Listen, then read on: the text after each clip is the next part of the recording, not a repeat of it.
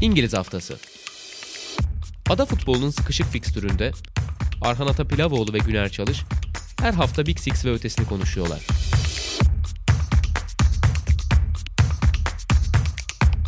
Statsbomb işbirliğiyle. Sokrates'ten, Sokrates Podcast'ten herkese merhabalar. İngiliz Haftası'nın yeni bölümüyle karşınızdayız. Konuklu bölümlerimiz yine kaldığı yerden devam ediyor. Bugün sevgili Alper Öcal bizimle birlikte. Abi öncelikle hoş geldin. Davetimizi kırmadığın için çok teşekkür ederiz. Rica ederim. Hoş bulduk Arhan'cığım. Hoş geldin. Bugün aslında transfer dönemini biraz ele almak istiyorduk. Hem ekonomik yönden e, sevgili Alper Öcal da buradayken hem de yapılan transferler ve takıma entegrasyonu yönünden ama gelinen noktada bir Thomas Tuchel'i anmadan, Thomas Tuchel'e başlamadan pek mümkün olmayacak gibi duruyor bu durum. Öyle başlayalım. Konuğumuza pas atayım. Enteresan bir karar. Yani nereden başlasam e, mantığa pek sığmayacak bir karar. Şöyle oldu. Aubameyang transferi yapıldı. Fofana transferi yapıldı. Deniz Zekeriya transferi yapıldı. Üç transfer son anlarda geldi ve bugün gelinen noktada Thomas Tuchel'le yollar ayrıldı ki hani aşağı yukarı alınan transferlerin hepsi hocanın istediği transferlerdi. Nasıl bu noktaya gelindi sence? Öyle başlayarak sana topu atayım. Yani İngiliz medyasında bayağı bir kulis bilgisi var Arhan bu Tuhel'in gönderilmesiyle ilgili. Bunun bir kere Dinamo Zagreb maçıyla pek alakalı olmadığı söyleniyor. Ya yani o maçta ne skor çıkarsa çıksın Tuhel'in uzun vadede işte kulübün yeni sahiplerinin planlarında olmadığı belirtiliyor. Bu ilginç bir şey. Yani Tuhel üzerine uzun vadeli plan yapılabilecek kalitede bir teknik adam. Ama Amerikalı sahiplerin Tuhel'e biçtiği rolle onun istediği rolün çok farklı olduğu ve aralarındaki iletişimin çok bozuk olduğuna dair bir takım yazılar var. İşte hem The Guardian'da var, Atletik'te var, Telegraph'ta var. Bununla ilgili e, çok fazla iddia da var. Zaten hani bu Abramovich'in işte kulüpten el çektirilmesi daha sonra uzun süren bir Chelsea'nin belirsizlik dönemi ardından işte sezona bu kulübün satışının uzamasıyla birlikte sezona bir türlü o yeni oyuncuların yetişmemesiyle birlikte Chelsea çok fazla para harcadı bu transfer sezonunda ama yani ne olursa olsun biraz geç kaldığı da aşikar. Zaten bu işte Arsenal'la oynanan o 4-0 biten maçtan sonra Tuchel iki hafta sonra biz hazır olur muyuz emin değilim gibi bazı demeçler de vermişti. Memnuniyetsizliğini de dile getirmişti. Yani temel meselenin şu olduğu söyleniyor. E, şimdi Boli'de yanında e, bir kişi daha var. Onun ismini unuttum şu anda. Transferde yani kulübü yöneten bu ikilinin transfer piyasasında futbol özelinde bahsediyorum. Yoksa bu grubun işte LA Dodgers diye bir Amerika'da beyzbol takımı da var. Mesela oradaki koçun işte 7 yıldır kulübün başında olduğu söyleniyor. Yani bunlar söylenirken temel burada belirt, belirt üzerinde vurgulamaya çalıştıkları şey şu. Yani biz işte her sermaye gibi gelip burada e, bütün yapıyı yıkıp üzerine işte sürekli başarısızlıkta Manchester United örneğindeki gibi sürekli teknik direktör e, değiştiren bir anlayışa sahip değiliz. Vurgulamak istiyorlar anladığım kadarıyla. Ama sanıyorum işte Tuhel'in transfer görüşmelerinde işin belki de mali taraflarında bilmiyorum daha aktif olması gerektiğine dair bir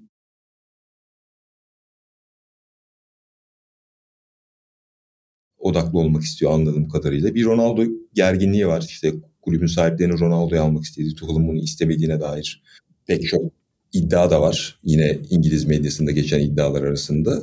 Yani dolayısıyla iş biraz bu 1-0'lık Zagreb mağlubiyetinden çok bu iki kutbun uzun vadede birlikte geçinemeyeceği ve yol yakınken ayrılması gerektiğine dair bir konsensüse varılmış. Chelsea'nin yeni sahipleri içerisinde. Tabii işte Zagreb'e 1-0 kaybedince de bunu sportif zemini de bir nevi hazırlanmış oldu diyebiliriz. Ben böyle bir girizgah yapayım. Güner abi burada sana döneyim. Aslında senin de hani sezon genelinde Chelsea'nin çok iyi gitmeyeceğini düşündüğün anlar vardı ama herhalde bu kadar da erken bir karar sen de beklemiyordun diye tahmin ediyorum. Evet evet erken oldu ama senin de dediğin gibi biz zaten sezon öncesi 3 tane program çektik. O programların birinde özellikle zaten Chelsea'yi konuşmuştuk. Yani orada da belki yani dinleyenler hatırlayacaktır. Chelsea'nin bu sezonunun gitgelli gitmesinin çok olası olduğunu e, işte bu yüzden de bence hem bu sene hem belki gelecek sezon ilk 4 yarışının dışında kalabileceğini işte bunun da hem Arsenal hem Tottenham'ın çıkışıyla da ilişkili olacağını biraz anlatmıştım. Hani o yüzden Bu yaşanan bir anlamda çok sürpriz gelmedi ama dediğin gibi çok da erken oldu. Bu kadar erken olmasını da dürüst olmak gerekirse beklemiyordum. Şöyle şeyler ekleyebilirim. Yani süreci e, güzel özetledi Alper abi. Onun dışında şunu söyleyeyim. Bu bence hani yeni sahipler geldiğinde biraz zaten görmeye alışık olduğumuz bir süreç. Yani bunu sadece İngiltere özelinde söylemek de şart değil. Yani genellikle şöyle oluyor. İşte evet başka bir spor dalında veya başka bir alanda, başka bir endüstride e, çok başarılı olabilirsiniz ama futbola girdiğiniz zaman ve bu girişiniz ilk girişinizse genellikle ortamı çok iyi tartamıyorsunuz. Yani evet belli fikirlerle giriyorsunuz ama o fikirleri nasıl uygulayacağınız, bunların gerçekten gerçekleşme ihtimalinin e, işte ne olduğu birkaç sezon içinde bence ortaya çıkıyor. Bunu çok kereler gördük açıkçası. Ben yine işte o programda sezon öncesi programda bunu da söylemiştim ya. Yani bunu anlatmaya çalışmıştım biraz da. E, Chelsea'nin yeni yatırımcıları burayı öğrenene kadar bence biraz böyle gitgeller olacaktır. İşte bu gitgellerde bu zaman kayıpları da Chelsea geri götürecektir demiştim. Bu işte özellikle sanıyorum birkaç sezon önce işte New York Times yazarı olan Rory Smith'in yazdığı yazı vardı. Hatta biz onu sevgili Anılcan Sedef'le çevirmiştik. Çevirisi de var. Türkçe çevirisi. Dileyenler bulabilir belki internette. İşte Amerikalı yatırımcıların buraya ilk girdiğinde hep böyle bir aslında ekstra para ödemesi gerektiği. Çünkü bunun adeta hani hiç bilmediğiniz bir şehre gidiyorsunuz. İşte taksiye bineceksiniz. Taksici de size ne kadar bir fiyat biçerse o fiyatı vereceksiniz. Çünkü bilmiyorsunuz şehri veya onun gerçekten ederinin ne olduğunu bilmiyorsunuz gibi benzetme yapmıştı mesela yazıda. Bunu yapan da Rory Smith değil işte yeni Amerikalı sahiplerden biriydi yanlış hatırlamıyorsam. Biraz buna benziyor. Zaten Chelsea'nin yaptığı bu sezonki transferlerde de bence bunu görebiliriz. Yani bir Abramovich dönemindeki kadar olmasa da o dönemde çünkü görece olarak çok daha büyük paralar harcanmıştı. Ederinin çok üstünde paralar verdiler bence oyunculara. İşte Kukra'yı içinde geçerli, Fofana içinde geçerli veya hani teklif etmek istediği paralarda da bence bunu görüyoruz. Dolayısıyla yani evet çok iddialı girdiler. İşte anlat zaten Alper abi. Yani Tuhal'i biraz daha aslında uzun vadeli görmek de istiyorlardı. Böyle planları olduğunu da söylüyorlar. Çünkü Amerikalılarda özellikle gördüğümüz şey burayı biraz daha hani vahşi batı gibi görüp bu yine Rory Smith'in yazısında kullandığı bir ifadeydi.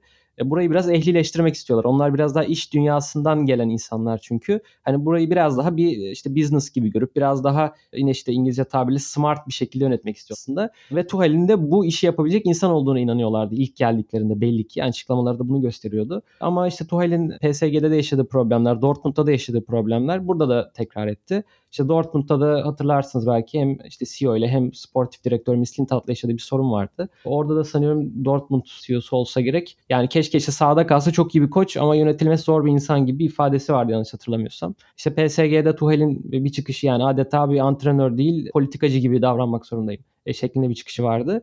Burada da özellikle son haftalarda biz e, kendi aramızda yaptığımız işte spor sohbetlerinde de futbol sohbetlerinde de konuştuğumuz bir şey. Bence psikolojisi çok iyi gözükmüyordu Tuhel'in. Tüm bu baskıyı hem sonuçları hem belki içerideki karışıklıkları çok iyi kaldıramıyor gibi gözüküyordu sanki. Bunu zaten tezahürleri de oldu işte Conte ile yaptığı kavga gibi. Dolayısıyla da çok erken bir son olmuş. Tabii bunun sonrasında Chelsea'nin yöneticilerine dair çok uzun vadeli şeyler söyleyebilir miyiz? Çok e, genel şeyler söyleyebilir miyiz bilmiyorum. Çünkü çok iyi tanımıyoruz. Bence onları da birkaç sezon içinde daha iyi tanıyacağız diye düşünüyorum ve e, hani daha iyi projeksiyonlar yapabileceğiz muhtemelen e, gelecekteki adımlarına dair. Ben de böyle vereyim sana sözü. Orada mesela şeyin sportif direktör dedin ya Dortmund örneğini konuşurken.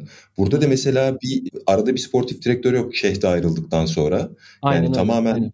Amerikalı sahiplerle Tuhel'in iletişimine bakıyor biraz iş ve o iletişimin tamamen çöktüğünü söylüyorlar. Hı hı. Yani hani dolayısıyla Tuhel'in bu iletişim problemi ki oyuncularla da ciddi problemleri olduğu söyleniyor. Bununla ilgili de bir, bir takım iddialar var. Oyun, bazı oyuncuların memnun olmadığı mesela işte Aspilicueta'nın bu, bu sezon kaldı belki ya yani iki sezon bir kontrat imzaladı ama yani sezon başında çok ciddi e, Barcelona söylentileri vardı. Onun da ayrılacağı söyleniyordu ki soyunma odasının lideri olarak gösteriliyor mesela Aspilicueta. İşte Ziyeh'in memnun olmadığı pek çok oyuncunun şu anda Chelsea'de istediği ortamı bulamadı. Hatta oyuncu çekmekte de Sterling'i alabildiler. Bir numaralı hedefleri ne olduğunu söylemişlerdi. Ama işte savunma göbeği komple kaybettiler. İşte Rudiger'le Christensen gitti o Şampiyonlar şampiyon olan takımdan. İşte Fofana işi çok uzun sürdü. Yine bazı oyuncuların gelmesi çok uzun sürdü ve transfer piyasasında geç girildiği için bazı ücretler senin de beklediğin gibi çok yükseklere çıktı. Belki birkaç oyuncu planları daha vardı. Alamadılar. Mesela ben Zagreb maçında onu çok hissettim. Çok kapanan, kompakt oynayan bir takımdı Zagreb. Kenarda hiç çözüm üretemediler mesela. Tuhel hep aynı pozisyonda başka bir oyuncuyu denedi orada.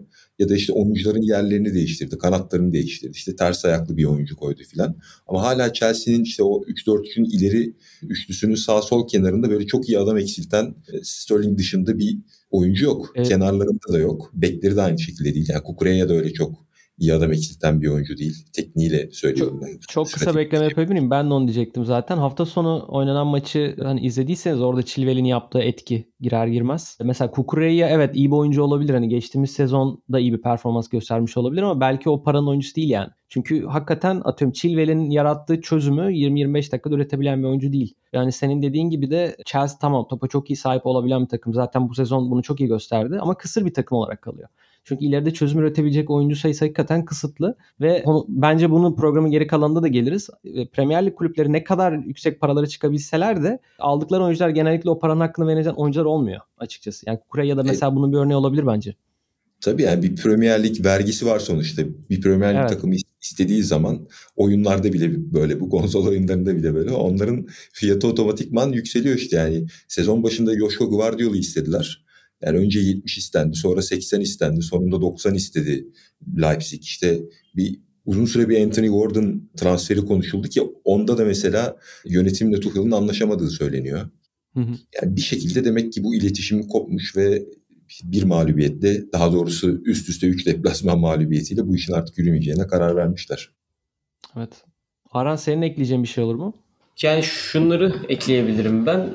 Bu Tuhel ve sportif direktör çatısına hali fazla katılıyorum. Zira Thomas Tuchel, Pep Guardiola, Jurgen Klopp gibi teknik direktörler genellikle sahanın içinde kalması gereken isimler oluyor. Ve siz onlara bu alanı vermezsiniz veya onları bu alanın dışına çıkarmak zorunda kalırsanız zaten otomatik olarak başarısızlık da biraz beraberinde geliyor. Bu isimler hani Sir Alex Ferguson gibi, Arsene Wenger gibi her şeyi kontrol etmekle mükellef kişiler değil. Zaten böyle bir yükümlülükleri de yok bana sorarsanız. O yüzden zaten oralarda bir sorun olduğu aşağı yukarı belliydi ve Tuhel'in bu konudan rahatsız olduğu da belliydi.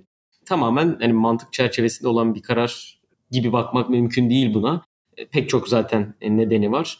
E, tabii bir de Potter tarafı var işin. Ben de isterseniz orayı konuşarak bu bölümü noktalayayım. Enteresan bir kariyer. E, şu an Twitter'da da çok fazla dönüyor zaten. Gana kadın milli takımının teknik işlerden sorumlu direktörüymüş. Yani teknik direktörü değilmiş biliyorsunuz orada technical director biraz daha farklı kullanılıyor İngilizce'de. Çok enteresan bir kariyer çizgisi. Östersunds'la hani Türkiye'nin yakinen tanıdığı bir isim olmayı başarmıştı. Orada başardıkları sonra Brighton bambaşka bir yolculuk oldu Graham Potter için.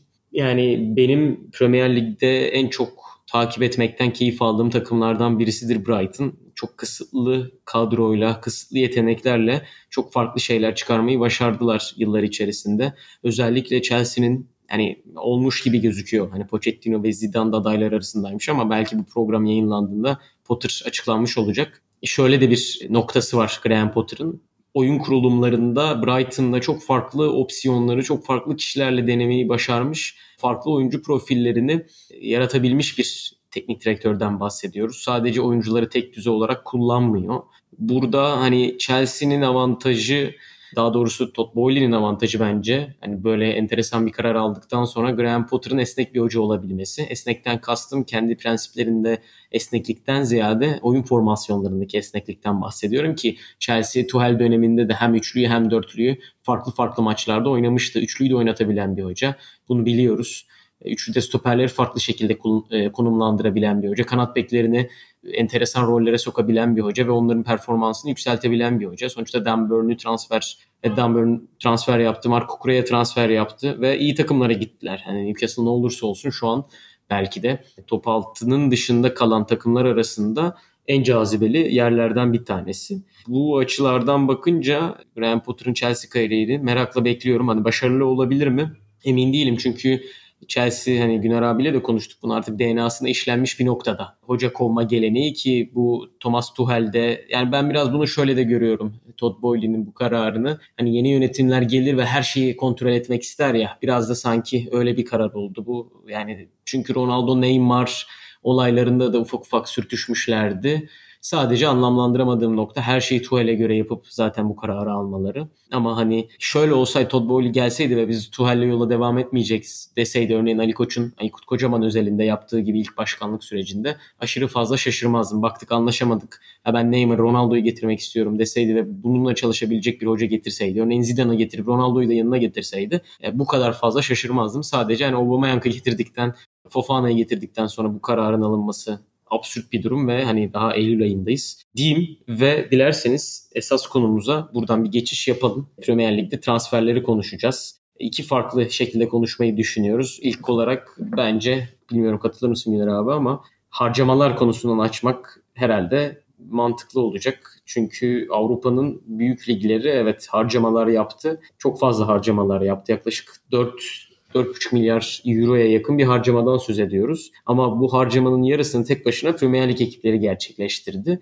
Burada bu ekonomik güce değinmek elbette gerekebilir ama ben ekonomik güçten ziyade şuraya gelmek istiyorum. Artık bu teknik direktörler için de geçerli. Jesse March mesela Almanya'nın Bundesliga'nın en iyi 5 kulübünden birisinin teknik direktörüyken Premier Lig'de çalışabilmek için Premier Lig'in belki de kadrosu en kötü 5 takımına gelebiliyor geçen sene. Ya da yarın öbür gün işte Brighton'dan boşalan bir koltuğa Avrupalı biri gelir mi gelmez mi onu bilmiyorum ama Avrupa'dan birisi gelirse yüksek profilli bir takımdan gelebilir ve bu şaşırtıcı olmaz. Bence bu oyuncular için de geçerli. Pası öyle atayım size. Oyuncuların da hani sadece bu harcamaları Premier Lig'in gücünden ziyade cazibesinin de etkili olduğunu düşünüyorum. Yani evet elbette ki parasal birim açısından miktar olarak bir Premier Lig gücünden söz edebiliyoruz ama oyuncu çekebilme miktarı da Premier Lig'in hayli fazla sanki. Ne dersin Alper abi bu konuyla ilgili?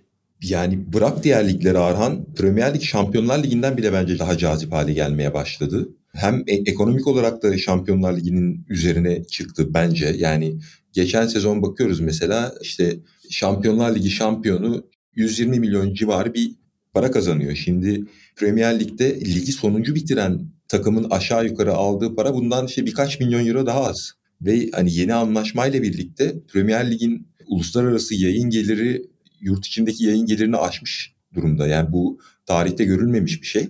Yani yurt içindeki yerel hakları 5.1 milyar pound'a sattılar. Uluslararası haklarını 5.3 milyar pound'a sattılar. Bu akıl alır gibi bir şey değil ve yani bu kadar çok kaynağın olduğu bir yerde hem işte oyuncuların fiyatları çok şişiyor hem de izlenebilirlik yani talep çok arttığı için dünyanın her yerinden insanlar Premier Ligi izlediği için artık işte iki haftada bir e, oynanan ve uzun bir süre grup ve 16 aşamasında araya giren Şampiyonlar Ligi'ndense orada oynamaktansa işte Mateus Nunes gibi bir oyuncu mesela e, Sporting'den Premier Lig'in sıra takımına gelebiliyor. Yani ve artık buradaki kulüplerin harcadıkları sıra takımlarının ya da işte hatta Nottingham Forest gibi yeni Premier Lig'e çıkan bir takımın harcadığı para dahi şu an Real Madrid'in birkaç katı. Paris Saint Germain'den bile daha fazla. Hani bunlar belki bu sezonluk oluşan bir panorama olabilir. Bu, bu kulüpler istediklerini başaramadığında onlar da 200-300 milyon dolar, euro, sterlin neyse harcayabilirler. O güçleri var. Ama yani Nottingham Forest gibi işte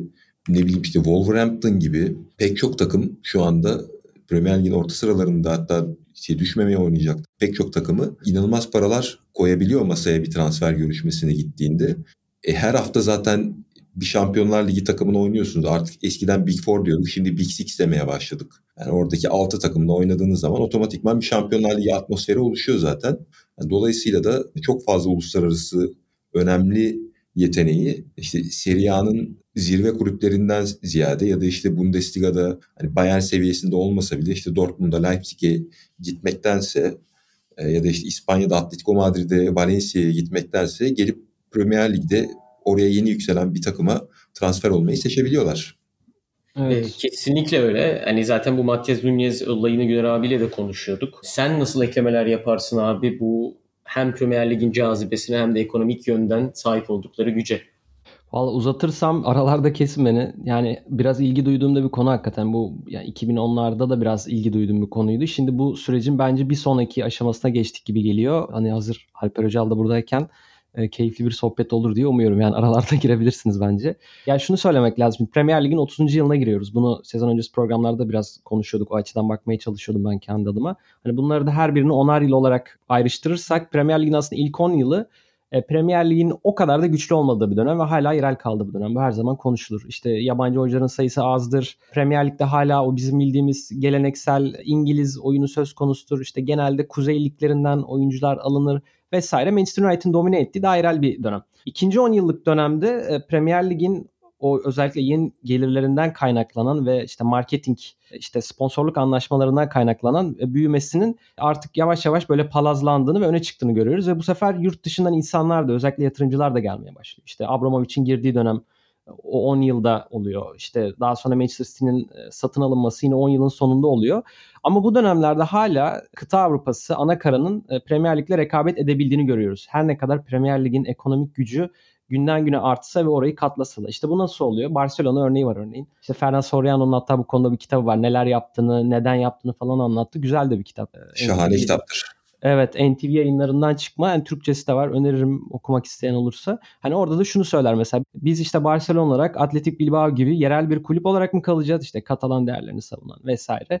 Ee, yoksa işte artık bir dünya kulübü olup devlerle rekabet mi edeceğiz? Bir yol seçmemiz gerekiyordu. İşte o da zaten endüstriyel dünyadan gelen bir insan olarak bu gücü alıyor. Seçildikten sonra yani onay alıyor diğer insanlardan ve Barcelona'yı başka bir yola sokuyorlar. Örnek aldığı kulüplerden biri hatta en önemlisi Manchester United mesela ekonomik anlamda. E, çünkü Manchester United özellikle 90'larda Premier Lig'in ilk 10 yarısında marketing anlamında da inanılmaz atılımlar yapmış ve dünyanın zirvesine oturmuş bir kulüp. Ama dediğim gibi o dönemlerde hala işte Real Madrid, Los Galacticos'la Barcelona böyle yatırımlar yaparak İtalya zaten hala çok güçlü. Milan'ın örneğin Juventus'un devrede olduğu bir dönem.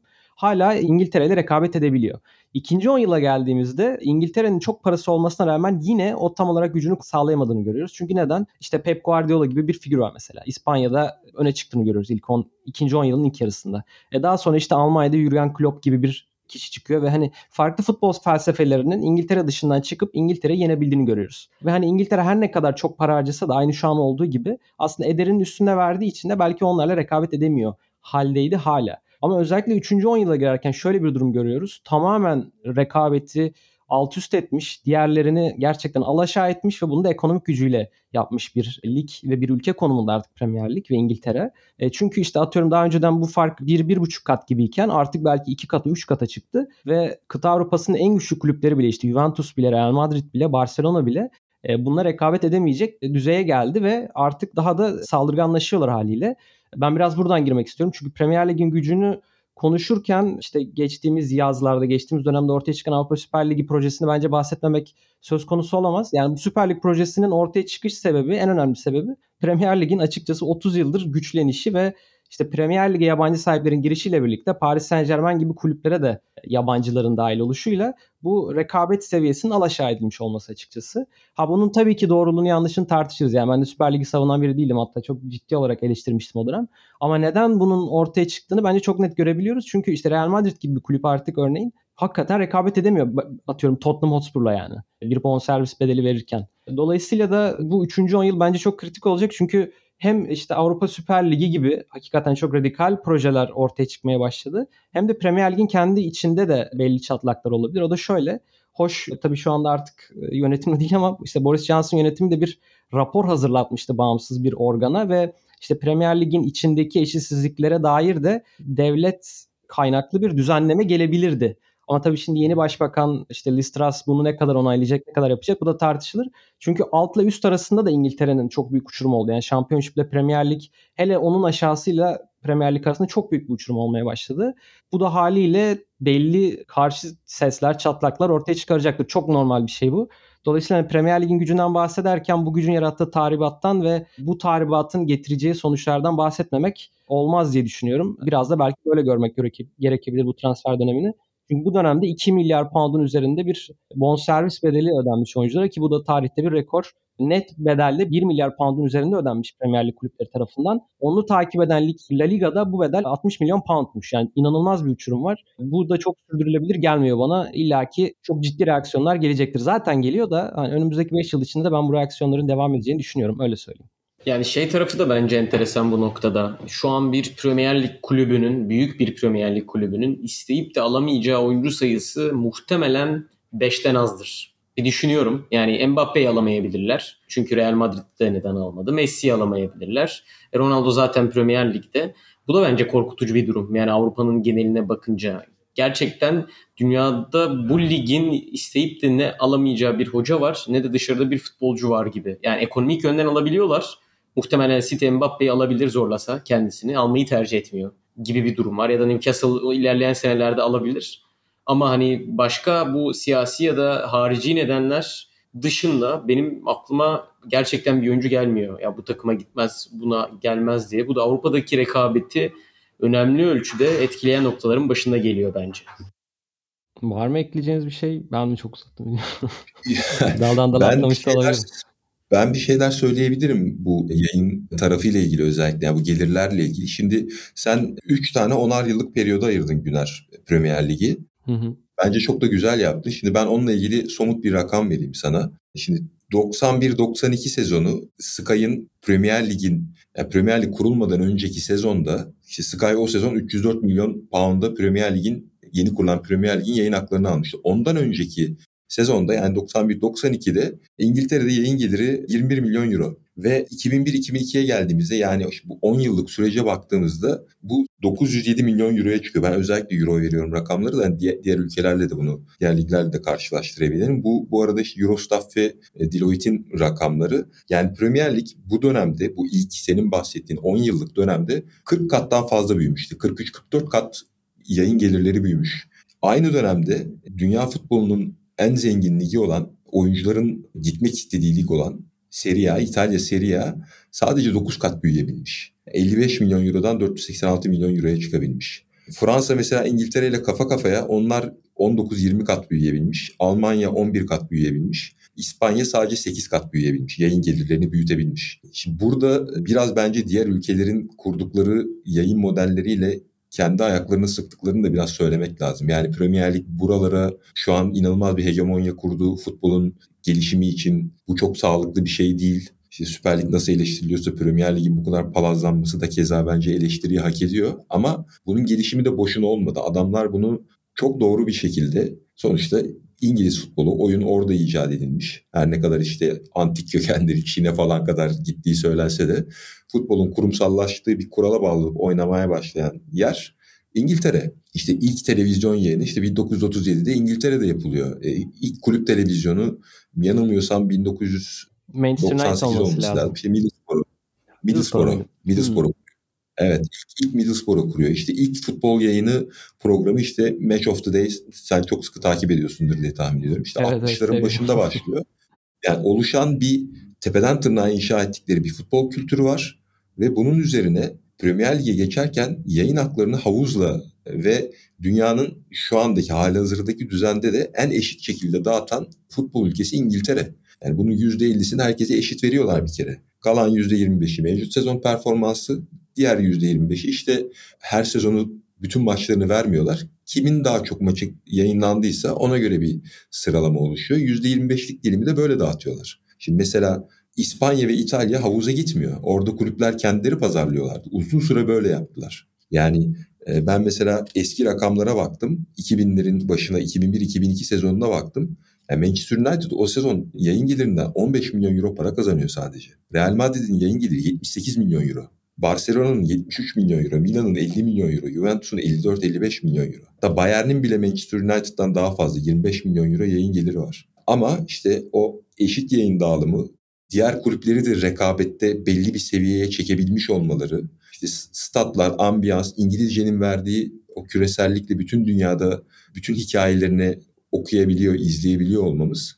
Sonuçta Serie A için bunu yapamazsınız. Şimdi İtalyanca engeli var dünyadaki İtalyanca konuşma, yazma, anlam oranı İngilizce gibi değil. İspanyol diye için de aynı şeyleri söyleyebiliriz. Daha yaygın bir dil olmasına rağmen. E, hal böyle olunca bu ligin gelişimi ilk sermayenin de oraya girmesiyle birlikte İtalyan ekonomisi düşünce oradaki sermaye çekilmeye başlayınca işte Fenerbahçe'nin Parma'ya elendiği sezonlarda mesela inanılmaz bir Parma kadrosu vardı. İşte 90'ların sonunda Şampiyonlar Ligi'ni İtalyanların domine ettiğini görüyorduk. Ama sermaye kaçınca işte futbol dışının futbolun dışındaki skandallar ortaya çıkınca oyunun daha kurumsal hale geldiği, sermayenin daha güvenle gelebildiği ve rekabetin çok daha yoğun Manchester United'a rağmen daha yoğun olabildiği Premier Lig'in yükselişini görüyoruz. Şimdi bunu İspanya için söylemek çok zor. Yani uzun yıllar Real Madrid Barcelona hakimiyeti gördük. İşte Almanya'da net bir Bayern dominasyonu var. Şimdi Premier Lig'de Big Four diyorduk. Yayının başında da söyledim. Şu an Big Six'e çıktı. Belki ileride işte Big Eight diyeceğiz, Big Ten diyeceğiz filan yani. Hani o kadar o makaslar alıyor ki.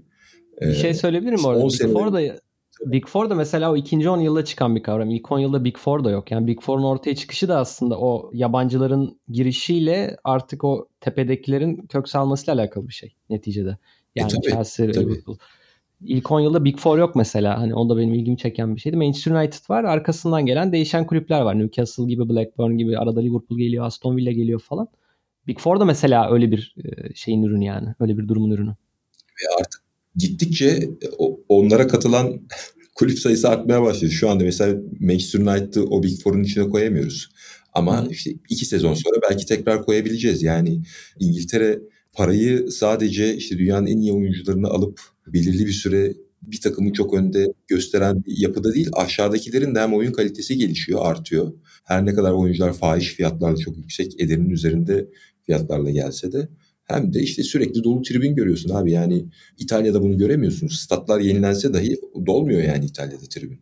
Almanya'da bu kültür var. Oyun kültürü biraz İngiltere'ye yakın. Orada da işte genç kadrolar, tempolu takımlar ama orada da rekabet yok. Yani dolayısıyla oyunun evet. aşağı yukarı tüm kaynakları buraya akabiliyor. Bir de bence şu açıdan da bakabiliriz. Hani Avrupa Süper Ligi ne yakın bir noktaya geldi diye bahsettik ya. Şurası var mesela Premier Lig burada sahip olduğu kaynakları da bence çok doğru kullandı yıllar içerisinde.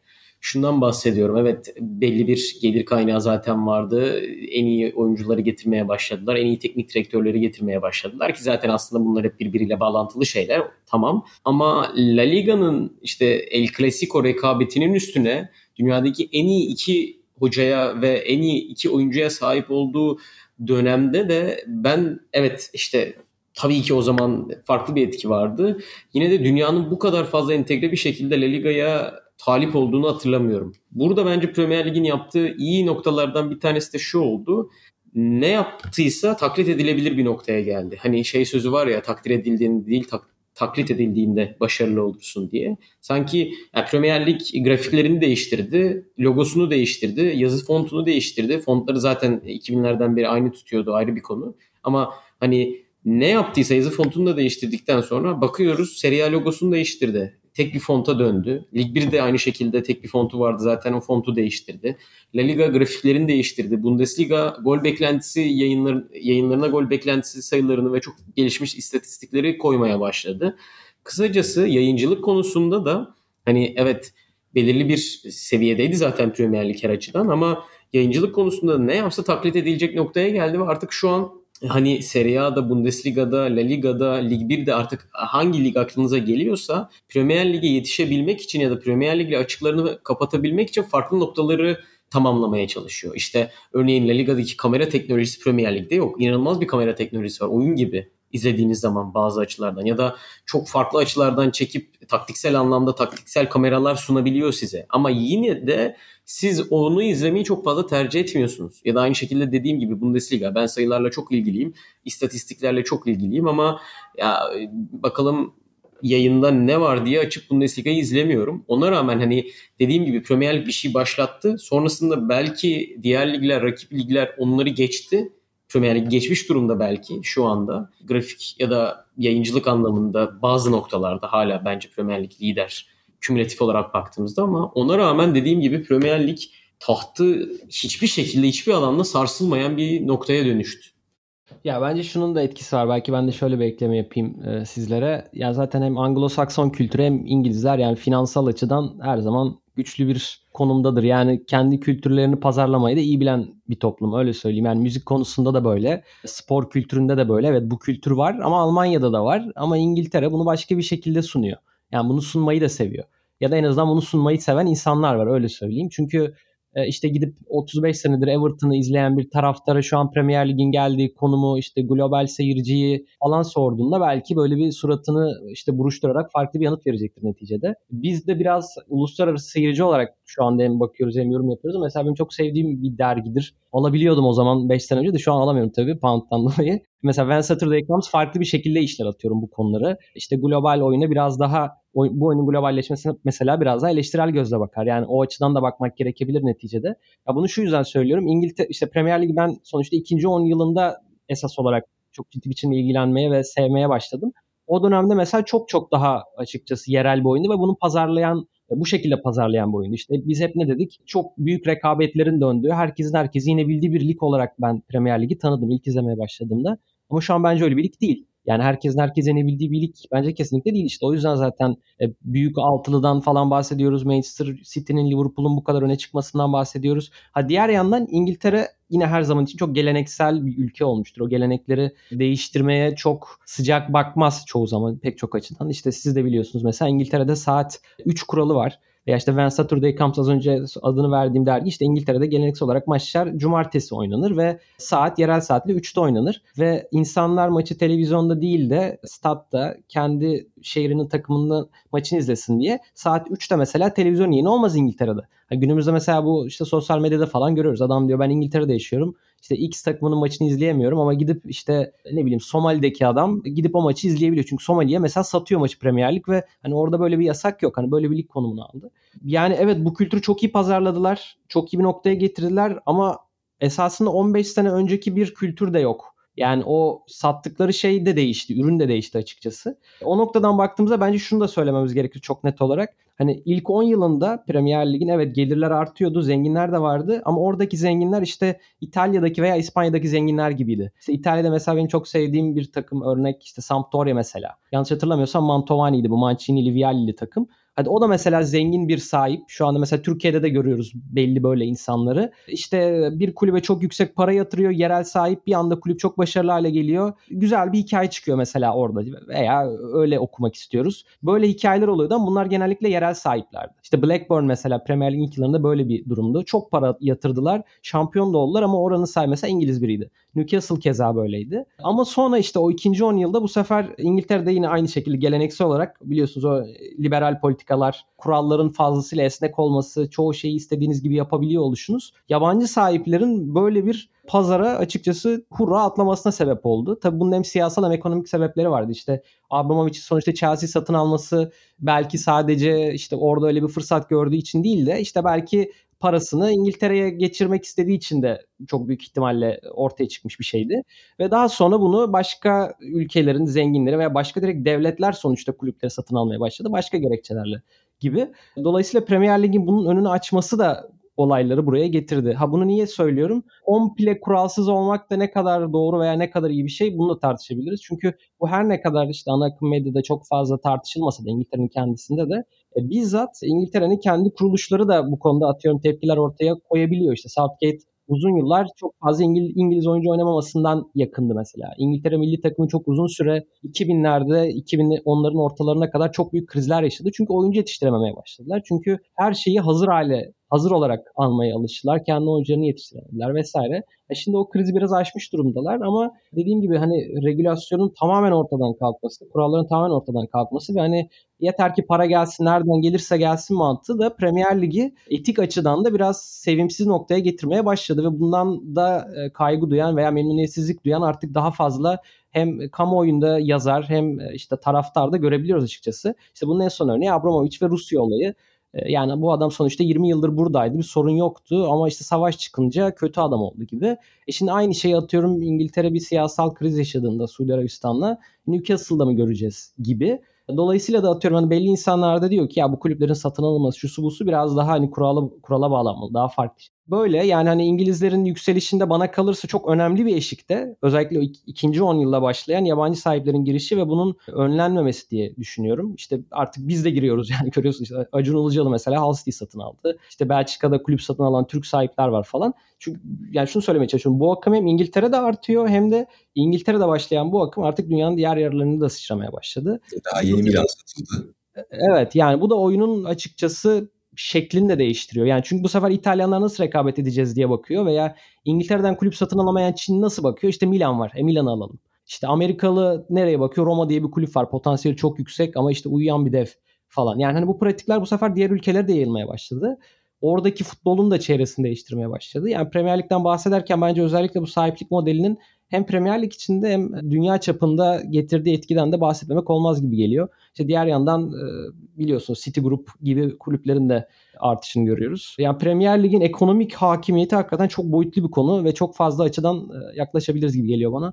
Ben bir de burada ekstra olarak işte bu yabancı sahiplik meselesini irdelemek istedim kısacası. Ben şöyle bir şey söyleyeyim bununla ilgili. Bu Brexit olmadan önce yani İngiltere hala Avrupa Birliği'nin bir parçası iken Avrupa Birliği'nin şemsiyesi altında bunlar biraz daha regüle edilebilir durumdaydı. Bu da artık ortadan kalkınca yani İngiltere böyle artık kapakları açılmış bir baraj gibi böyle akmaya başladı iyice ve yani dostacı söyler bunun önünün de pek alınabilme ihtimalini olduğunu ben görmüyorum. Çünkü hem o AB regülasyonlarından sıyrılmış oldular. UEFA ne kadar İngilizleri karşısına alır, FIFA ne kadar bunu yapabilir hiç zannetmiyorum. O konuda İngilizlerin eli çok güçlü. Zaten hani bu Süper Lig'in olmamasında da Barcelona'dan, Real Madrid'den e, çok orada işte İngiliz kulüplerinin taraftarlarının bu işe sıcak bakmaması, kendi futbol geleneklerinin kaybolacağına dair endişelerle özellikle başaltı takımların hani bunların girip girmeyeceği kesin değildi ama yani yukarıdaki büyük takım taraftarları da o Big Four'un Big Six'in taraftarları da onları destekledi ve Süper Lig projesi bu yüzden rafa kalktı. Ben bunun tekrar masaya gelme ihtimalinin İngilizlerle birlikte olabileceğine de ihtimal vermiyorum. Çünkü yani şu ekonomik şartlarda şimdi mesela gene rakam vereyim.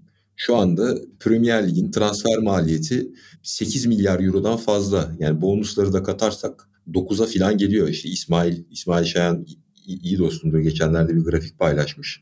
Oradan söylüyorum rakamları. En yakın La Liga görünüyor. 3 milyar euro bile değil şu andaki toplam bonuslarla birlikte. Yani arada 3 katlık bir fark var kulüplerin takım kurma maliyetleri arasında ve e, senin söylediğin mesele Güner bu işte Amerika'nın İngiltere'nin çok hakim finansal olarak çok hakim olmasından bahsediyorsun. E, bu işin kökeni ta sanayi devrimine kadar ulaşıyor. Sonuçta sanayi devrimi Manchester'da İngiltere'de başlayan bir hadise. Ondan sonra küreselleşmeye başlıyor. İşte 2. Dünya Savaşı sonrası Amerika'nın finansal gücü ortaya çıkıyor. Önceden finansal merkez tamamen Londra. E, parayı konuşan, parayı üreten, kapitali dolaştıran ağırlıklı kesim İngil İngilizler ve Amerikalılar. E, bununla birlikte bu dünyadaki lingua franca denen ortak dil Fransızcadan tamamen İngil İngilizceye kayıyor. Yani dolayısıyla bunun futbola da yansımaları olması kaçınılmaz. İşte kültürel ihraçtan bahsettin.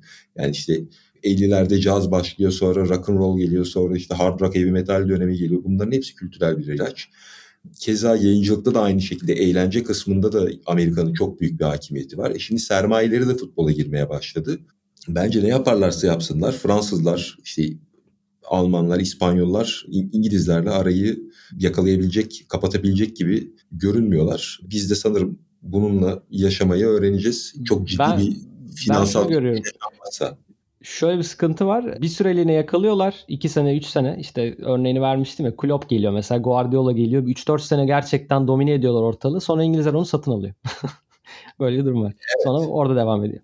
İşte Bayern'in kendi liginde yaptığını, Paris Saint Germain'in kendi liginde yaptığını İngiltere bütün dünyaya yapmaya başlıyor. Biraz böyle bakabiliriz Aynen. olaya. Aynen öyle. Aynen öyle bence de. Ben son olarak programın bu son kısmında şunu ekleyeyim. Yine ilgimi çeken bir konu olduğu için çünkü seviyorum yani bu konuyu da. Premier Lig'den İngil Türkiye'ye gelen oyuncuların sayısında çok bir artış yaşandı. Son işte yine 10 yılda 15 yılda. Bunu ben hatta geçen 2 sene önce olması lazım yazıya da dökmüştüm. İşte 92-93 Premier Lig'in ilk yıl olduğunu hesaba katarsak 2009-2010'a kadar Türkiye Ligi'ne gelen oyunculara çok fazla bir şey yok. Yani hep her her sene işte 2 oyuncu, 3 oyuncu falan geliyor maksimum. Ondan sonra biz 2010'larda şunu görüyoruz. İşte 5 oyuncu, 6 oyuncu, 8 oyuncu böyle bir artış var. E, özellikle son 5 senede de hemen hemen her yaz e, yaklaşık 10 tane oyuncunun Premier Lig'den Türkiye'ye geldiğini görmeye başladık. İşte 10 oyuncu, 10 oyuncu, 10 oyuncu, 8 oyuncu. Bu yaz bir rekor kırıldı. 16 oyuncu şu anda mevcut olarak Premier Lig'den Türkiye'ye transfer oldu ki sadece yaz dönemi, kış transfer dönemi dahil değil buna. E bunun da tabii gerekçelerini konuşmak lazım. Belki daha sonra uzun uzun yine konuşuruz Arhan'la ama şöyle bir durum var. İşte Premier Lig'e giden oyuncu başka bir lige gitmekte çok zorlanıyor. Çünkü oradaki paraların ne kadar artış gösterdiğinden, maaşların ne kadar yüksek olduğundan bahsettik. Biz bunu aslında Türkiye Ligi'nde de yaşıyoruz. Çok yüksek maaşlar verdiğimiz için bu oyuncuyu yollamamız zor oluyor ve oyuncu genellikle ya işte Orta Doğu'ya ya Çin'e ya kendi ülkemizin içinde başka bir takıma transfer olabiliyor ancak. Çünkü o parayı verebilecek başka birini bulamıyorsun. İngiltere'de aslında çok benzer bir durum var ve özellikle son 10-15 yılda aldıkları oyuncuların çok fazla artması, kadroların şişmesi ve Türkiye'de de bu yabancı sınırının esnetilmesiyle alakalı olarak çok büyük ihtimalle bu iki ana etmenden dolayı çok fazla oyuncunun Premier Lig'den Türkiye'ye gelmeye başladığını gördük. Çünkü bir de hani bizde bir vergi kolaylığı da vardı. Dolayısıyla bu paraları hem verme kolaylığımız hem verme isteğimiz vardı ve hani Premier Lig'den e, ıskartaya çıkıp fena da bir kalitesi olmayan ama diğer liglerin alamadığı oyuncuları Türkiye'ye gelmeye başladığını görüyorduk. İşte bu da yine Premier Lig'in finansal gücünün artçı etkilerinden biriydi açıkçası. Bu yaz bunu çok daha üst seviyede gördük. Yani gerçekten özellikle Beşiktaş da çok gördük yani bütün Premier Lig'i topladılar gibi bir şey oldu. Hani böyle bir durum da var. Belki dinleyicilerin de dikkatini çekmiştir. Ben onu takip ediyorum. Ersen hakikaten çizelgesini çıkarıyorum. O da enteresan bir konu bence. Çünkü şöyle Güner, dünyada bir kazanıp iki buçuk harcayan başka bir ülkenin ligi yok yani. Yanımıza Ruslar bile yaklaşamıyor bu konuda. Onlar bile 1'e 1.3 filan harcıyorlar. Biz 1'e iki buçuk harcıyoruz. O yüzden rahat rahat Premier Lig'den oyuncu getirebiliyoruz buraya. Evet. Çok teşekkür ediyorum sevgili Alper Öcal'a. Bu bölümün sonuna geldik. Hayli farklı noktalara değindiğimiz bir bölüm oldu. Gelecek hafta yeni bölümle görüşmek üzere diyelim. Hoşçakalın. Hoşçakalın. Hoşçakalın.